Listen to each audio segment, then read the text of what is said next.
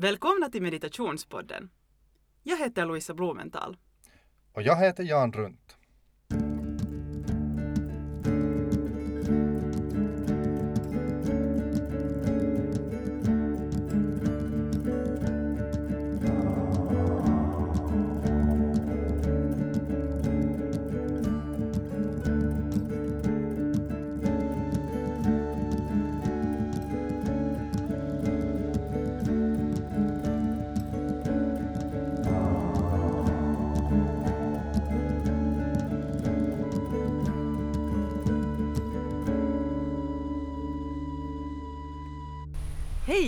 Och välkomna till ett nytt avsnitt av Meditationspodden.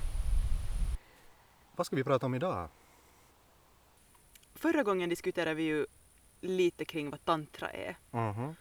och idag har vi tänkt att vi skulle gå lite mer in på vad yoga är Ja, och kanske vad för samband det finns mellan tantra och yoga. ja. Eh, tantra och yoga hänger väldigt starkt ihop kan man kanske säga. Absolut. Eh, jag vet att jag har åtminstone använt uttrycket tantra yoga lite sådär att det finns så här på något vis nästan bindestreck emellan. Är Tantran en tradition inom yogan? I vilken väg det sen går, det är väl Ja. kanske svårt att säga. Ehm, men du har helt rätt i det, enligt min upplevelse också, att de, de står väldigt tätt ihop, tantran och yogan. Ja. Ja. Att jag skulle säga yoga, om vi, om vi kanske börjar med att då, eftersom vi definierar tantra i senaste avsnitt, vad, vad är yoga? Mm. Med att definiera det så kan vi kanske se vad sambandet är mellan tantran och yogan. Hur är det, har du någon sån där definition som du har kommit fram till att skulle kunna beskriva yoga? Jo, no, alltså jag tycker att den definition som jag är van att, att höra så, så är den att det handlar om att på något vis förena. Och, och, någonting ska förenas och vad det sen är som ska förenas, är det kropp och själ eller är det din egna, vad man ska kalla den själen med någon sorts så här världsallt eller någonting så, så att förena, det är någonting som jag upplever att har för mig blivit en sån här definition av vad yoga står för. Som Just ord. det. Hur är det med dig? Ja, mycket samma som du, som du har sagt. Jag, jag kommer också att tänka på det med, med kanske det som symboliserar också tantra. Mm. Jag tänker då på symbolen med en uppåtpekande triangel och en nedåtpekande triangel som är på varandra. Det som också i princip är som Davidsstjärnan Ja, som är egentligen symbolen för föreningen mellan då medvetande, som är den här triangeln med spetsen uppåt, Ja. och energi, som är triangeln med spetsen neråt. precis. Tänker att det är ju en, en symbol som både på ett sätt beskriver just yogan och tantran på samma gång. Ja, Och det finns ju speciellt i vad ska jag säga, nutiden en så stor variation på vad människor kallar för yoga. mm. Att det kanske blir svårt att sådär kristallisera helt klart vad yoga är och vad det inte är. Men kanske vi kan göra ett försök att Ja. lite diskutera att finns det någonting då som i alla fall inte yoga eller är det ens möjligt? Jag vet inte. No, jag kommer att tänka på, det var för en tid sedan, något år sedan, så, så såg jag en eh, reklam för en yogakurs som skulle hållas någonstans på Bali, tror jag, med en ganska känd finsk yogalärare. Och det där, och sen hände det sig att kort efter att jag sett den här affischen så såg jag Michael Monroe komma springandes emot i full så här liksom makeup med, med två så här kappsäckar rullandes efter sig och han är tydligen bråttom, kanske han skulle missa något flyg någonstans till Los Angeles eller vad som helst. Och tanken som slog mig var att jag vet inte vilken del som för mig var mera yoga. Michael Monroe springandes ner för gatan i full makeup eller den här planschen över den här svindyra vet du, kursen på Bali. Och vad jag menar med det är kanske att säga att ibland känns det som att, att yoga har blivit någonting ganska ytligt Mm. som, som handlar då om att få kanske en lite så här avslappnad känsla i kroppen eller inte ens det också att få en mera på något vis bara välbyggd och på något vis eh, vältrimmad kropp. Och där känns det nog som att det här med yogans då förenande av, av någonting har ganska långt försvunnit ut ur bilden. Du är ju själv helt på det viset yogalärare att du också lär ut den här fysiska yogan. Japp. Hur upplever du det? Att är, det är det någonting som du ser att kanske dina elever har vant sig vid att det är det här som är yoga, det är liksom det här fysiska. Eller, eller är de ändå medvetna om att det finns kanske en sån här, vad ska vi säga, annan och lite sådär mental slash andlig sida av det? Jag upplever nog att det varierar jättemycket med vad folk har för förväntningar Ja. på vad yoga är. Ja, Vissa kommer med ingen ehm, tidigare erfarenhet och är väldigt öppna för vad jag än visar dem. ja, Andra har kanske gjort lite yoga förr och har därför en bild av att yoga är det vad de gjorde den där ena eller två gångerna förut. ja, Och det är kanske med dem som det är svårast att sådär ehm, direkt börja utvidga. Sen finns det de som har gjort jättemycket yoga och kanske har insett att okej, människor gör på olika sätt ja, för att kanske ändå i slutändan nå samma sak. Inte Mm. kanske i alla fall, men i många fall ändå. Många vägar som leder till samma mål. ja, Men eh, så där generellt så upplever jag väl att så speciellt de som kommer på mina lektioner eftersom de är i alla fall i dagens mått relativt långa. Jag brukar ha minst två timmars Mhm. lektioner och det i början när människor inte har upplevt det så undrar de att men varför? ja, Att liksom vad ska man göra under två timmar? Men det handlar just om att det, den traditionen ehm, där jag nu har lärt mig har varit sån att yogan, den fysiska yogan egentligen den kan definitivt stå för sig själv mhm, och jo man kan använda den som terapi för Mm. att bota saker och för att ta hand om kroppen. ja, Men framförallt så är den ett verktyg för att leda dig till ett mer mottagligt tillstånd där du kan meditera, där du kan gå djupare. mm, Så det alla de här aspekterna som finns på en yogatimme, um, fysiska ställningar, andningsövningar, avspänning, koncentrationstekniker, det är egentligen, förutom att vara jättefina i sig, så gör det det lättare att meditera. mm, Så det är kanske i den här helhetstanken jag skulle se också den fysiska yogan. Att fokuserar man bara sådär som du sa på det väldigt ytliga så då, då kanske man går miste om vad det kan ge. Ja, det är sant det där Anna. För vi funderar ju här när vi pratade lite tidigare om att för många så kanske sport är, är ett sätt att, att också uppnå något lite sån här slags av, vad ska vi säga, psykiskt välmående. För många är det säkert så, tror jag, att, att man sportar både för att hålla kroppen i skick och för att man kanske lite som en sån här bieffekt upplever att och då mår man också bra när man har, har det där just klämt i ordentligt och kanske sprungit det här långa loppet eller vet du varit på gymmet och lyft de här tyngderna. Att man känner också en känsla av att mm, ja, det känns också psykiskt bra. Eh, och där kanske skillnaden är den att åtminstone när man tänker på sån här yoga, en helhetsyoga. Så det, där börjar man sen vid den här känslan av att ja, nu känns det liksom, nu har kroppen liksom fått lite som den behövde och den mår bättre och, och, och Mm. det gör också att, att sinne är lugnare och, och liksom lite så här bättre, att man känner sig kanske lite mer uppåt. Och därifrån sen så kan man då börja med de här andra teknikerna som vi då har pratat om också i det här tantraavsnittet, det vill säga meditation till exempel. Och gå ännu djupare in i det för att man har liksom den här, man har en bra startpunkt. Precis. Och, och det är kanske typiskt för då yogan att man har den här helheten att fysiska är, ja, det kan vara en helt stor del och sen så börjar man också jobba mera sen på sinne och medvetande. Och gå kanske liksom mycket djupare. Absolut.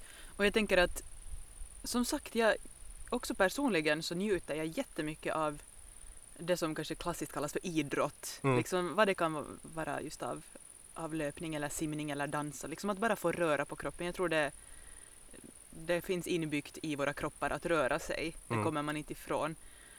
Men kanske skillnaden kan vara det och där är ju vi alla väldigt olika men yogan, när man gör fysisk yoga så handlar det inte om att bara flaxa med kroppen eller röra den in och ut ur ställningar utan det är väldigt medvetet man rör sig. Mm. Men en närvaro i vad du gör när du gör yogan.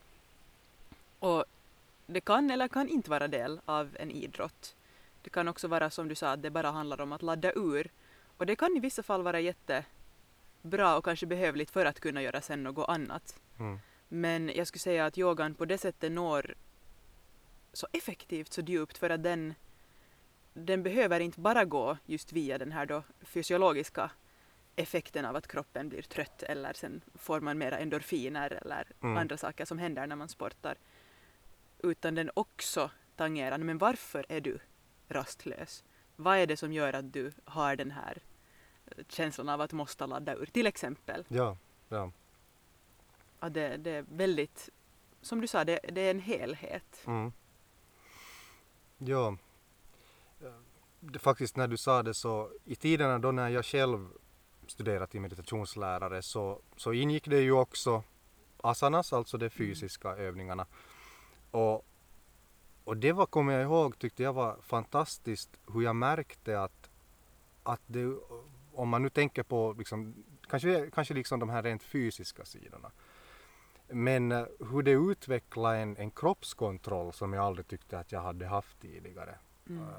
Och, och bara det sen gav en sån här, eh, vad ska vi säga, en, en viss eh, självsäkerhet. Att det kändes som att man visste på något annat sätt än vad man förr inte kanske hade gjort var man rör sig och hur man rör sig. Och, och redan det så, så tycker jag var en jättefin grej som det, det gav.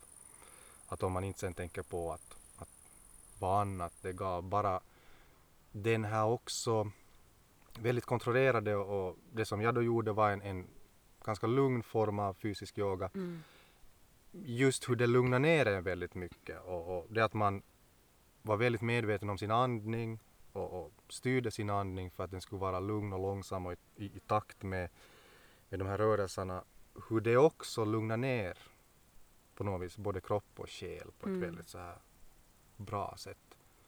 Att om jag aldrig efter det skulle ha mediterat skulle jag säkert ha varit en mycket mer harmonisk människa än vad jag skulle ha varit om jag inte skulle ha gjort Precis. den fysiska delen av yogan.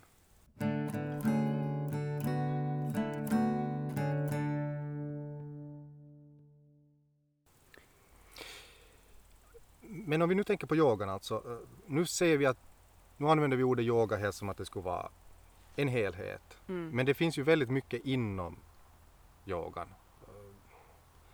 Till exempel nu när vi har pratat mycket om, om då den fysiska sidan så har jag helt fel när jag säger att då är till exempel begreppet hatha yoga ganska på något vis nära där. Det är den Mm. fysiska på något vis, fysiska träningen, fysiska övningen. Ehm, jag har använt uttrycket tantra yoga men jag vet inte att kan man riktigt använda det på det viset. Men det finns många andra, vad ska vi säga, så här specifikationer för det här ordet yoga. Stämmer, ja. Och, och det där, vilka är nu till exempel de viktigaste om vi tänker på att man försöker göra någon liten indelning i olika former. Vi har hatta som är väldigt fysisk. Eh, Det som jag själv eh, gjorde inom då själva den här fysiska yogan så, så jag skulle uppleva att det kallades för raja yoga eftersom betoningen var på det att det ska leda till meditation Mm. och det här vad ska jag säga, lugnet för, för att meditera. Men vad har vi annat som nu finns inom yogan? Nu kanske om man tittar på vad traditionen då delar in för olika sl- slags yogor, vägar man kan gå och lite faktiskt också tycker jag det har funnits en tanke om att lite beroende på din personlighet så kanske du är mer benägen att få mer ut av någon av de här Ja, formerna av yoga. Så då, som du nämnde, hatha yoga är, är ju definitivt en och den kanske som de flesta i väst är bekanta med genom Mm. just att där ingår också de fysiska ställningarna ganska långt. ja, Till och med en, en yogariktning som nu för tiden liksom kallas för hatha yoga. ja, Um, men sen som du sa, raja yoga eh, finns ju också som kanske lite mer handlar om sinne mm, och att lära sig mästra det. mm, Um, vilket ju i och för sig menar alla, alla teknik eller alla yogariktningar har ju på det sättet samma mål som är att, att lära känna sitt medvetande, sitt sinne.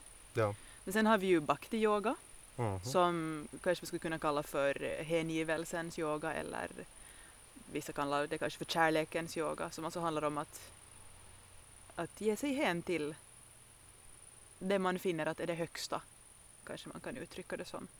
Och dit hör ju många olika ehm, skolor. Bhakti-yogir tycker sådär generellt ganska mycket om ehm, att sjunga till Mhm. exempel lovsånger. Dans kan ingå, Mm. eh, poesi, konst i andra former. Mm. Det kan vara en bhakti-yogis väg. Mm. För många så kanske just bhakti-yoga skulle kännas som att det är det här mest på något vis religiösa. Som ser så här klassiskt religiöst ut. Det stämmer säkert.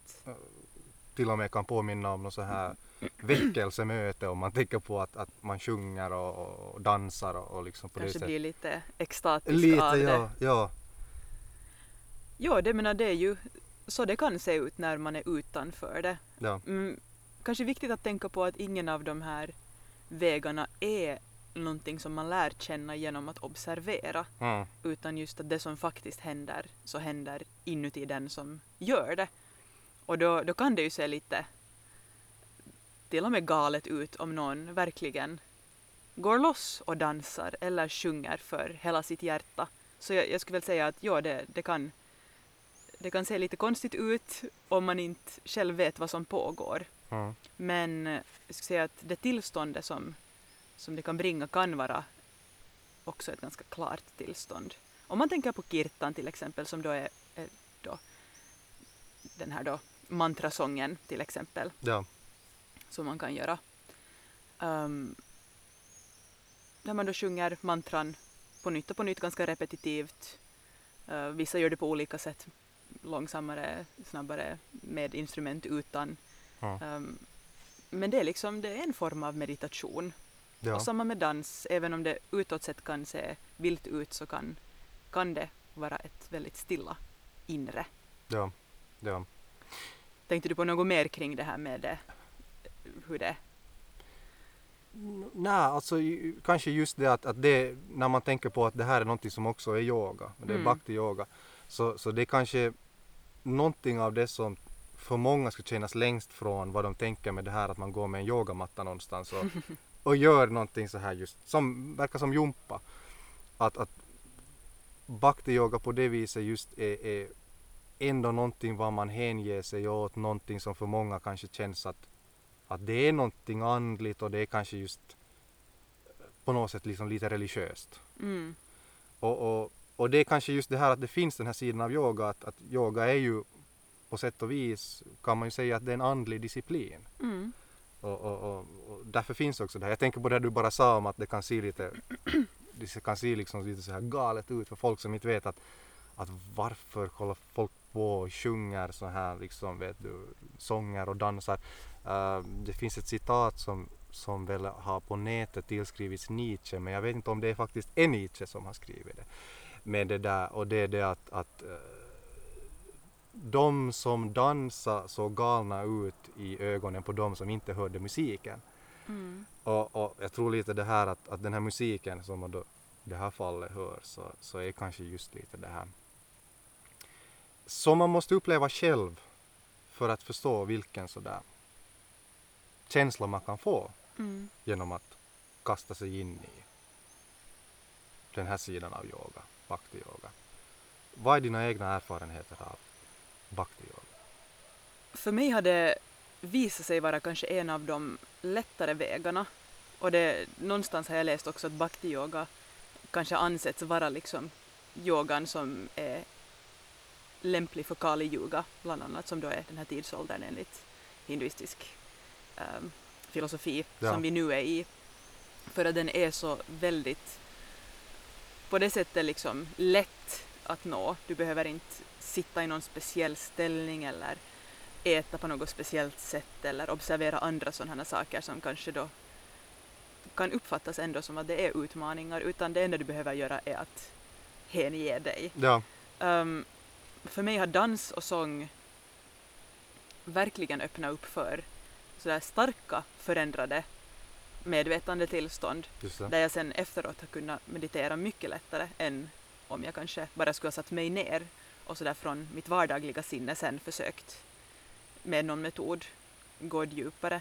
Så Mm. bara det, på samma sätt som fysisk asana förbereder hela ens organism för meditation så har, har sång och, och dans, eh, om jag sjunger kirtan i någon, liksom, en timme eller så efteråt är jag definitivt i det där tillståndet redan. Ja, ja. Så på det sättet, den aspekten har, har som en helt metod varit, varit tydligt lämplig för mig. Mm. Ehm, och sen som jag sa, också poesi. Jag menar det, det finns någonting som väcks inom mig när jag läser någonting som uttrycker detsamma jag känner. Om det är någon som verkligen uttrycker sin längtan efter eh, det som kanske kallas inom till exempel sufismen den älskade eller liksom bara det man försöker nå. Mhm. Det kan ju omskrivas just sen till religiösa saker också. Det är väl därför religion är så också stort världen över för människor vill hänge sig något större Ja, än bara sig själv, sina små egna själv. ja. Så, så det är väl kanske för mig det. Um, vad, vad har du själv för erfarenhet? Nå, alltså det roliga är det att, att på något sätt i den grad som det har hört till min då, bakgrund och, och utbildning att sjunga kirtan och, och dansa med det så har jag nog upplevt det som jättebra. Att det verkligen har lyft sinne och, och just som du sa att, att efter det började meditera så, så har faktiskt liksom då varit enklare. Mm.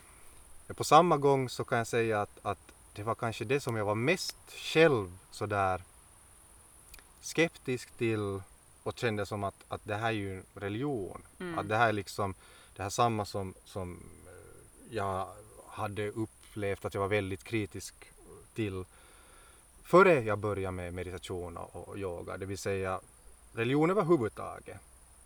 Kristendom, allting som hade att göra med någon sån här tanke om någon sorts så här, eh, vad ska vi säga, andligt plan överhuvudtaget och, och särskilt tanken på att det skulle finnas någon sorts gud i det här andliga planet. Så Mm. därför var jag väldigt skeptisk till det och, och liksom tyckte att nåjo, att jag, liksom, jag, jag kan se hur det här med att, att dansa och sjunga funkar eftersom jag hade alltid tyckt om musik och, Mm. och tyckte att det var trevligt med musik som är så här upplyftande. Men liksom att jag hade svårt med den här filosofiska sidan där bakom. Och, och kanske ännu lite idag, även om jag kan kanske se det på ett annat sätt. Att det är den här, det är den här längtan och det är liksom en, en kärlek till någonting djupare Mm.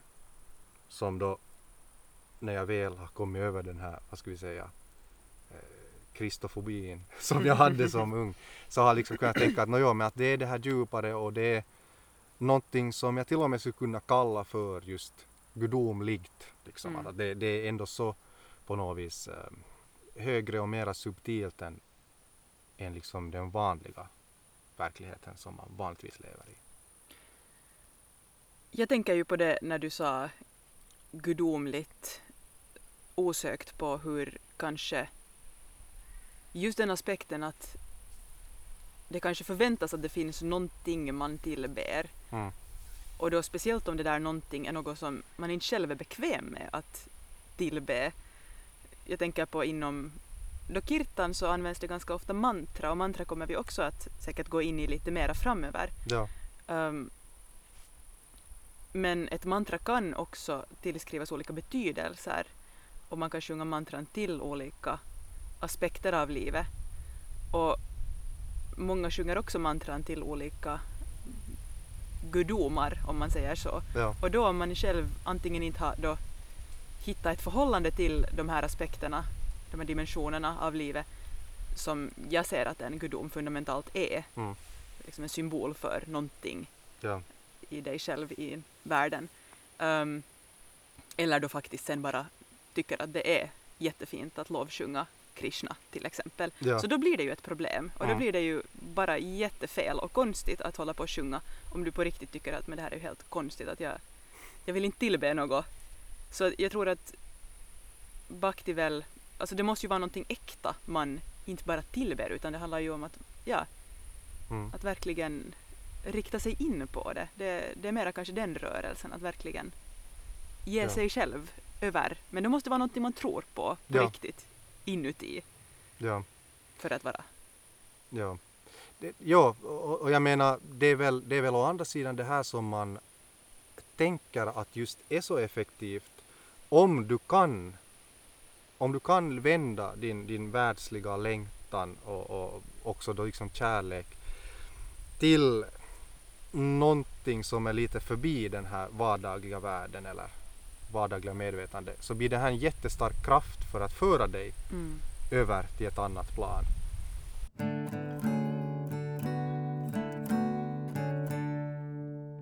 Det här för oss nästan lite över tycker jag till karma-yoga. Du har rätt, ja. För att i karma-yoga så handlar det ju just mycket om det vad man gör och hur man gör det. Men jag tror att du är nästan lite expert på det här med karma-yoga för att du har gjort en hel del av det. Nå jo, det, det stämmer ju så att så tillvida att då under min period i ashrame så var, var nog en väldigt stor del av utbildningen just karma-yoga och, och kanske om någon av er lyssnare inte är bekanta med begreppet karma-yoga så kanske ni ändå känner igen ordet karma. Och, och det skulle man då väl kunna sådär enkelt översätta som, som handling till Mm. exempel. Det är nu en översättning av det. Ja. Så då skulle karma-yoga vara liksom handlingens yoga. Ehm, och det gick då ut på att göra alla möjliga sorters uppgifter. Alltså det var allt från att diska till att städa till att um, sköta djuren som fanns där till att odla grönsaker till att ta hand om deltagarna som kom på kurser på ashramet. Verkligen liksom allt som krävs för att hålla, hålla liksom saken rullande. Ja.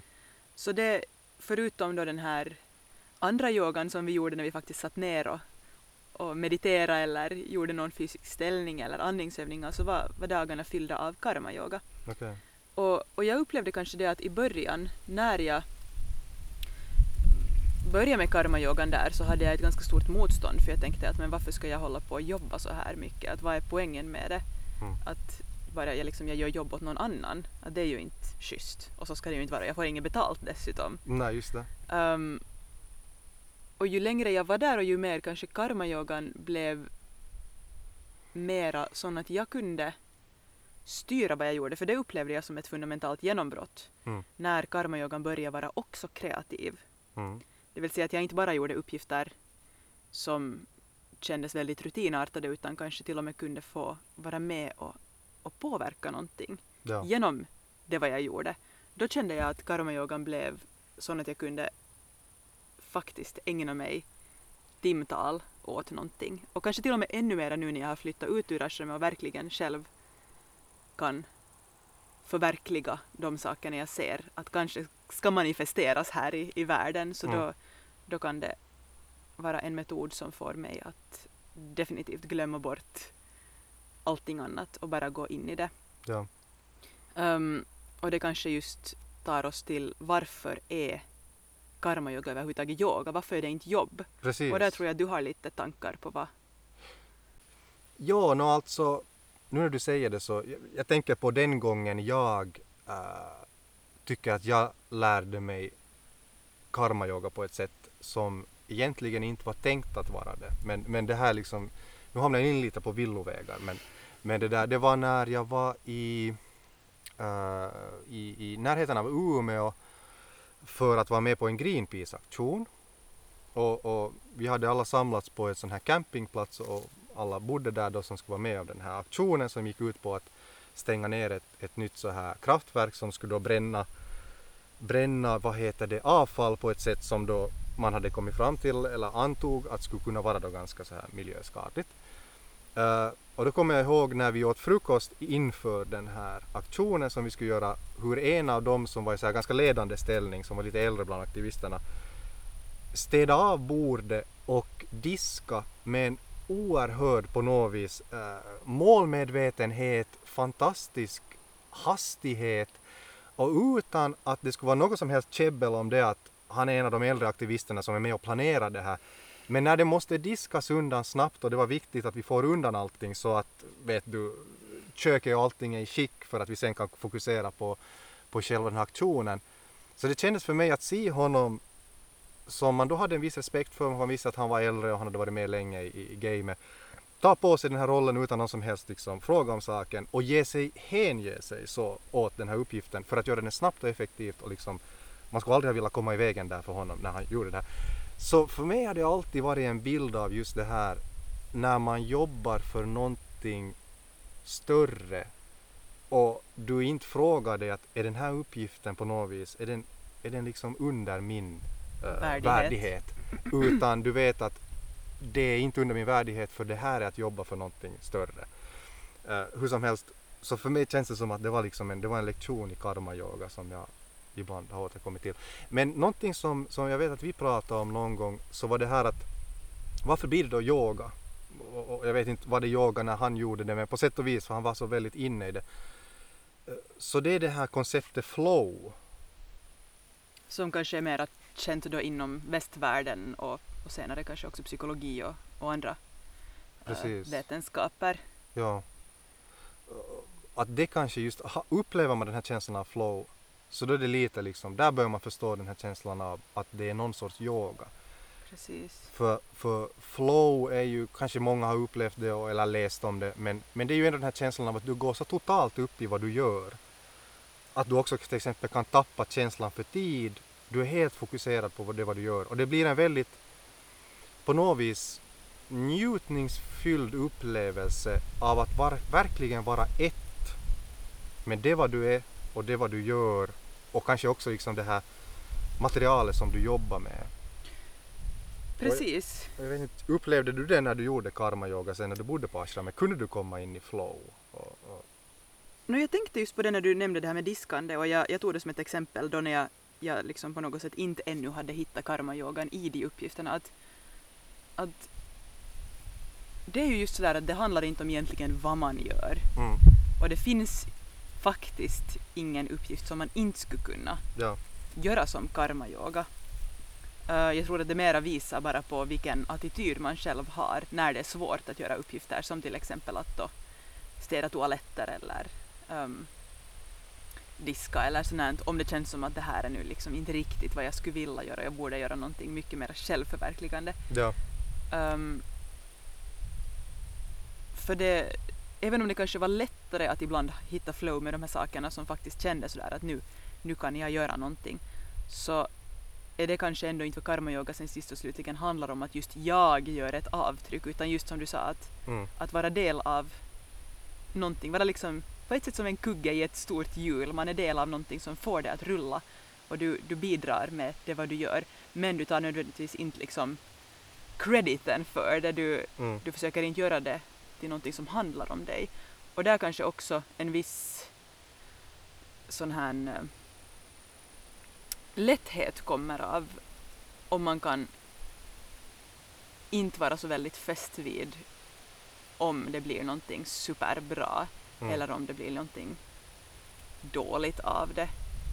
Uh, traditionellt i alla fall så brukar ju karma-yoga också sådär talas om att man, man inte liksom tar till sig själv frukterna av arbete utan man överlämnar det. Man gör det så gott man kan men sen så stiger man lite åt sidan så att säga och låter det bli nu vad det blir. Ja. Uh, och då tror jag att flowen definitivt är lättare att uppnå än om du är väldigt fäst vid att det nu ska vara någonting superbra för att du annars hamnar i dåligt ljus eller vad det nu än kan handla om för personliga ambitioner man kan tänkas ha ja. kring ett jobb.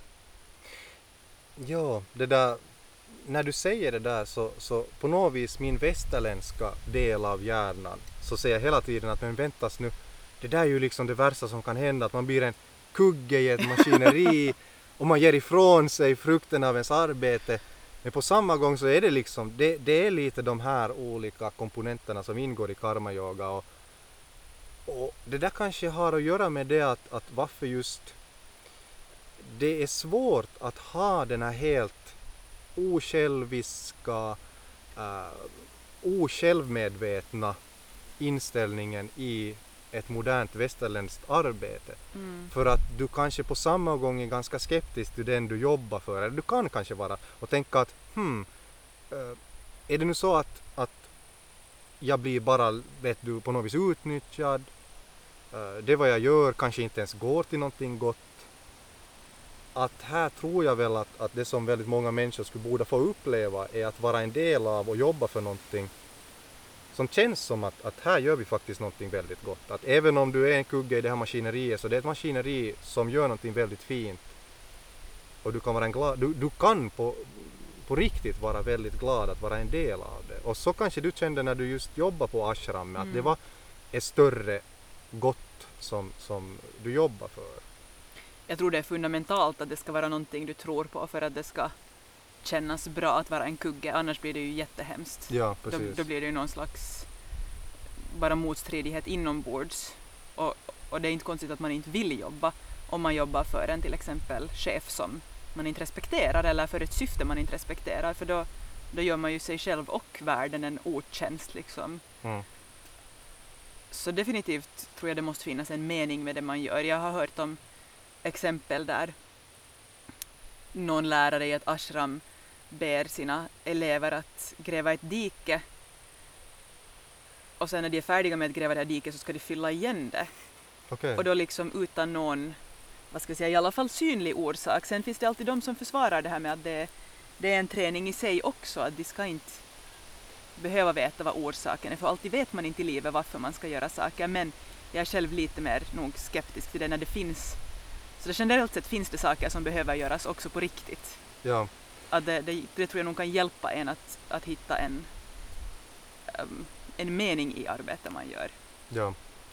Ja, Det där som du sa så det påminner lite om, uh, känner du till Milarepa? Ja, Ja, och han blev ju då för att få till slut eh, lära sig meditation och bli initierad av sin lärare Marpa så blev han då uppmanad att göra en massa sådana här helt absurda eh, uppgifter, att bygga ett torn av stenar och sen liksom bryta omkull det. Ja, och sen bygga det på nytt.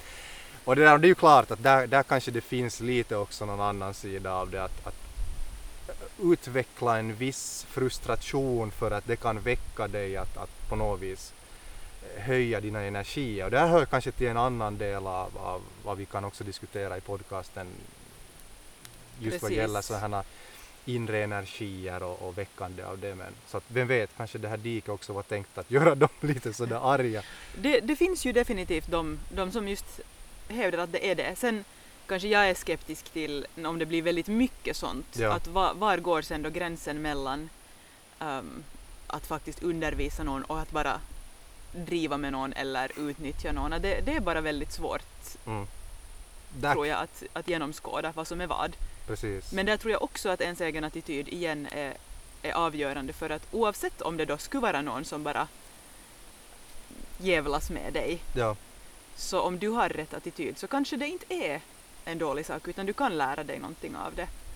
mm. Också om det fallet att du har en, en chef som inte är världens trevligaste eller um, någonting annat som, som kanske inte är sådär 100% bra så kan du vända det eventuellt till någonting bra. Men sen, ja, jag, jag är inte sådär generellt kanske ändå en, en förespråkare för sån här karma-yoga. Nej, nej, och det är kanske någonting annat än, än egentlig karma-yoga. Precis. Det är i så fall så här Träning. träning och provokationsyoga. Finns Ja, det, precis. jag vet inte om det finns som ett begrepp. Men nu har vi alltså karma-yoga, bhakti-yoga, så har vi varit inne och tittat på hatha-yoga. Lite har vi nosat på hatha-yoga, ja. Ja, Raja-yoga hade vi också en liten sväng när vi bara nämnde det. Men det finns ju också det här som heter gyan-yoga. just det. ehm, som ju kanske är en yoga som jag upplever i alla fall lite svår att beskriva. Mm. Den är väldigt, vad ska jag säga, handlar om om att kanske själv fundera på eller komma till insikt om vem man är. Ehm, inte just genom eventuellt några fysiska metoder eller Mm. just något externt utan en väldigt nog inåtriktad metod. Ja. Jag vet inte om du kan beskriva det på något sätt som skulle få lyssnare, No, jag skulle, lyssnare att förstå lite vad det handlar om. ja, no, alltså, jag upplever att kanske det är ganska mycket den här filosofiska sidan. Mm. Intellektuella och filosofiska har blivit anklagad för att kanske vara lite torr Mm. Uh, har andra sidan nog för min egen del också varit någonting som jag har tyckt att är jätteintressant. Jag har, mycket, jag har tyckt om att läsa liksom så här filosofiska utläggningar om uh, hur det vi upplever i meditationen till exempel, hur man kan strukturera det så här med olika begrepp och sånt. Och det är väl lite inom jnana-yogan. Mm. Att, att det där. Och det finns klassiskt väl en motsättning mellan jnana-yoga och uh, bhakti-yoga.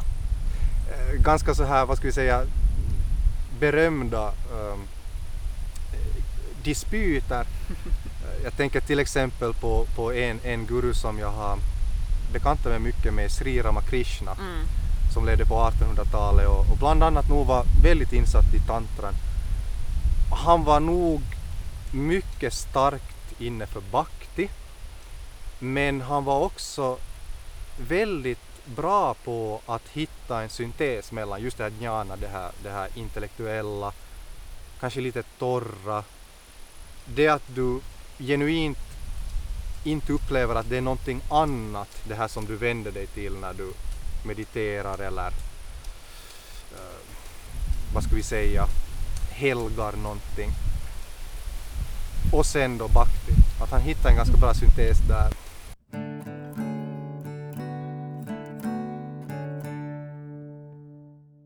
Jag funderar bara kort att borde vi ännu vända tillbaka till hatha och raja yoga eftersom de Ja. på något sätt ändå är relativt kopplade till varandra.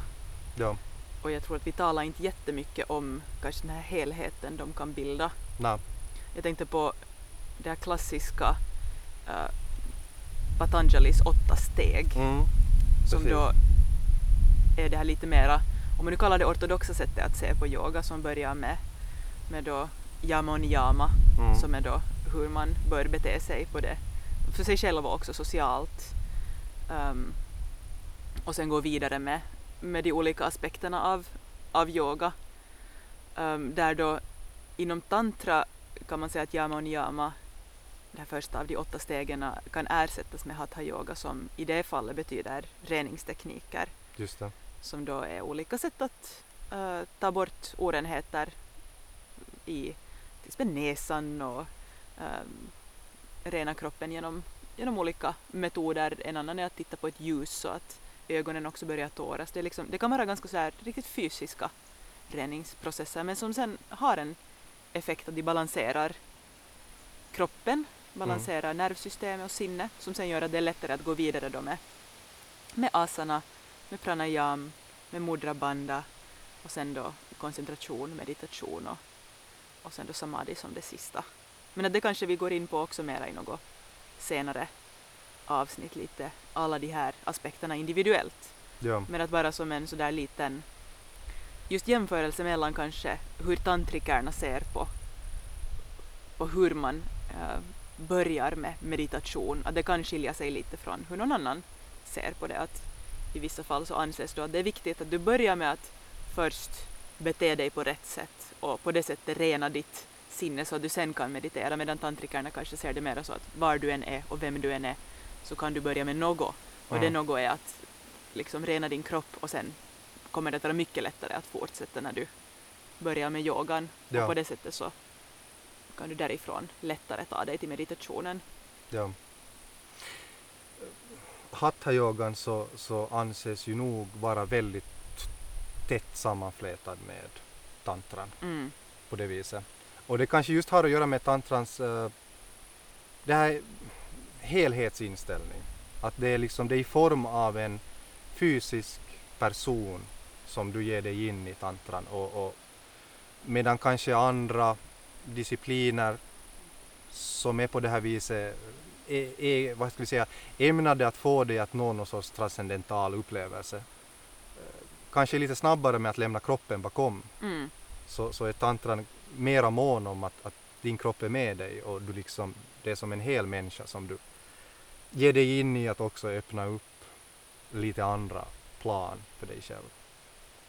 Kan man väl kanske säga. Absolut, det, det tror jag verkligen är ett av kännetecknen för tantran att den inte försöker lämna kroppen utan inkluderar kroppen och använder kroppen för att därifrån kunna nå någonting Ja. annat. Ja. Sen finns det alltså ett begrepp som det slår mig att vi inte nu hade pratat om tidigare, ashtanga yoga. Uh, många kurser går ju under namnet ashtanga yoga och, och, och, många lärare som just lär ut så här mera då fysisk yoga så är ashtanga yoga lärare. Vad är det här ashtanga yoga? Vad består det av? Nå, ashtanga yoga kan väl egentligen sägas att det är ett namn som är taget lite just ur då det här Patanjalis åtta steg. Att ashtanga betyder egentligen åtta delar. Jo, eh, alltså det ashtanga kommer ursprungligen från det här systemet med åtta steg. Men det är ju inte, om man tänker just det som du räknade upp när du, när du nämnde Patanjalis olika åtta steg, så det är ju inte kanske det som ingår i det vad vi idag ser som ashtanga yoga. Att det har blivit kanske ett mera ett begrepp då som eh, betecknar en viss stil eller en viss samling av asanas, det vill säga det är ganska betoning på den fysiska yogan inom eh, det som modernt kallas för ashtanga yoga. Ja, alltså det är svårt tycker jag att se just igen utifrån ja. då jag i alla fall själv inte har någon jättedjupgående erfarenhet av det som kallas för ashtanga yoga. Ja. Det var egentligen en av de första yoga, om man nu kallar det formerna, som jag gjorde. Mm. Um, men eftersom aspekten verkar ligga i början, eller fokus verkar ligga väldigt starkt på just det fysiska väldigt länge innan man sen kan gå vidare. Jag tror att pranayam är del av det, meditation Okej, ja. är del av det, så Okej. vitt jag har, har läst och förstått. Men, Okej.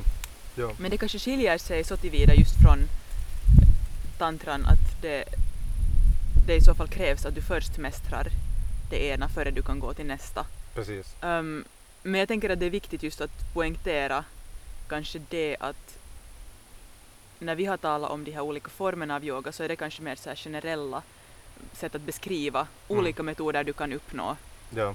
de här tillstånden av att fördjupa sig i sig själv. Ja. Medan just om vi talar om ashtanga yoga, det finns också bikram yoga, ja, det är sant. det finns uh, purna yoga, det finns uh, alltså sätt ett ord framför yoga och det finns någon som har tagit patent på det. Precis. Så allting är inte kanske Yin-yoga. yin-yoga, absolut. Det är lite mer... Vinyasa-yoga. Jo, jo, no, det är sant. Jag menar det börjar nästan vara lite så att det är nästan så här halvt varumärke Precis. status på det. Att, att det vad vi har försökt gå igenom är kanske lite de här större linjerna. Precis. Och det där, jag vet inte, kanske vi har nu funderat igenom dem som, som vi nu så här direkt kom att tänka på när vi tänkte på att vad är det man tänker på när man tänker på yoga.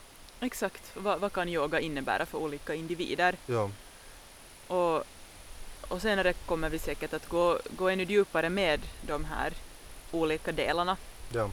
Men månne inte för idag är, är vad vi hinner med. ja, jag tror det. Vi får lov att tacka er som har hört på oss. Och kom ihåg att om ni har någon fråga så ställ den gärna. Skriv. Och Yes. rekommendera gärna också om ni kommer på någon som ni skulle vilja att skulle gästa vårt program. Precis. Vi kommer imorgon ha möjlighet att ta in olika intressanta personer som på något sätt har anknytning till antingen yoga eller meditation eller något annat att lite diskutera med oss om i gällande de här temana. Ja. Det kan också vara du om du är på något sätt väldigt insatt i ditt ämne. Hör av dig bara. Ha det så bra. Vi hörs. Vi hörs, hej då! Hej.